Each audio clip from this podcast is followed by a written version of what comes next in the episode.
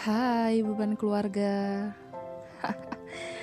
Canda kok Atau memang udah ada yang pernah manggil kalian dengan sebutan kayak gitu? Kalau saran aku sih nggak usah didengerin ya Kalimat-kalimat yang gak guna kayak gitu Jangan sampai membuat diri kalian kehilangan arah Kalian pernah denger nggak?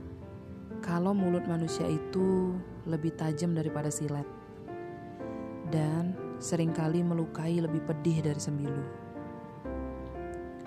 Kalau kalian udah pernah ngerasain sakit dan pedihnya terlukai karena mulut seseorang, berarti kita satu server nih. Pelajaran untuk menata hati setelah dilukai itu emang gak gampang.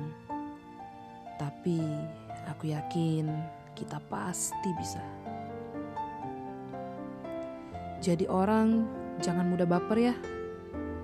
Karena semenjak kata baper itu muncul, orang jadi lupa sama kata maaf. Ya, seperti pepatah, kita yang menjalani hidup, Tuhan yang menentukan, dan orang lain yang berkomentar. Kalau seandainya komentar orang itu bisa dijadiin sebuah skripsi, mungkin kita udah berapa kali di wisuda. Kadang suka kangen ya sama masa-masa di sekolah dasar. Beban terberat dalam hidup cuma PR MTK. Tapi kalau dipikir-pikir, kalau bebannya cuma PR MTK terus, berarti kita nggak naik level dong. Sekarang, siapa sih yang lagi ngerasain capeknya nyusun skripsi? Pasti kalian sering ditanya, "Kamu kapan sih lulusnya? Kok lama banget?" Tapi setelah lulus, pertanyaan itu bakal berubah jadi, "Kamu kapan dapat kerja?" Setelah dapat kerja pun, kalian bakal ditodong pertanyaan Kapan nikah? Ntar keburu tua loh. Jadi nggak ada yang mau. Dan bla bla bla. Banyak banget.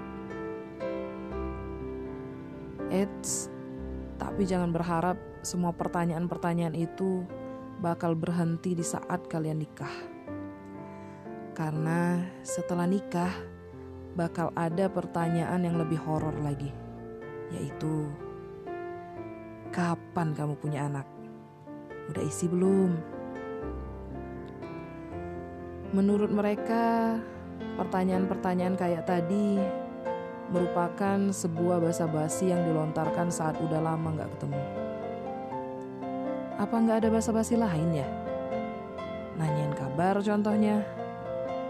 Kan masih banyak pertanyaan lain yang gak bakal menyudutkan orang. Jadi buat teman-teman jaga ucapan ya. Karena kita tahu sakitnya gimana. Jadi jangan sampai rasa sakit itu bersumber dari kita. Aku punya kalimat yang perlu kalian ingat. Kita cuma dikasih dua tangan sama Tuhan. Dan itu gak bakal cukup buat menutup semua mulut orang yang jahat sama kita. Tapi dengan kedua tangan itu, kita masih bisa menutup telinga kita untuk gak dengar ucapan mereka.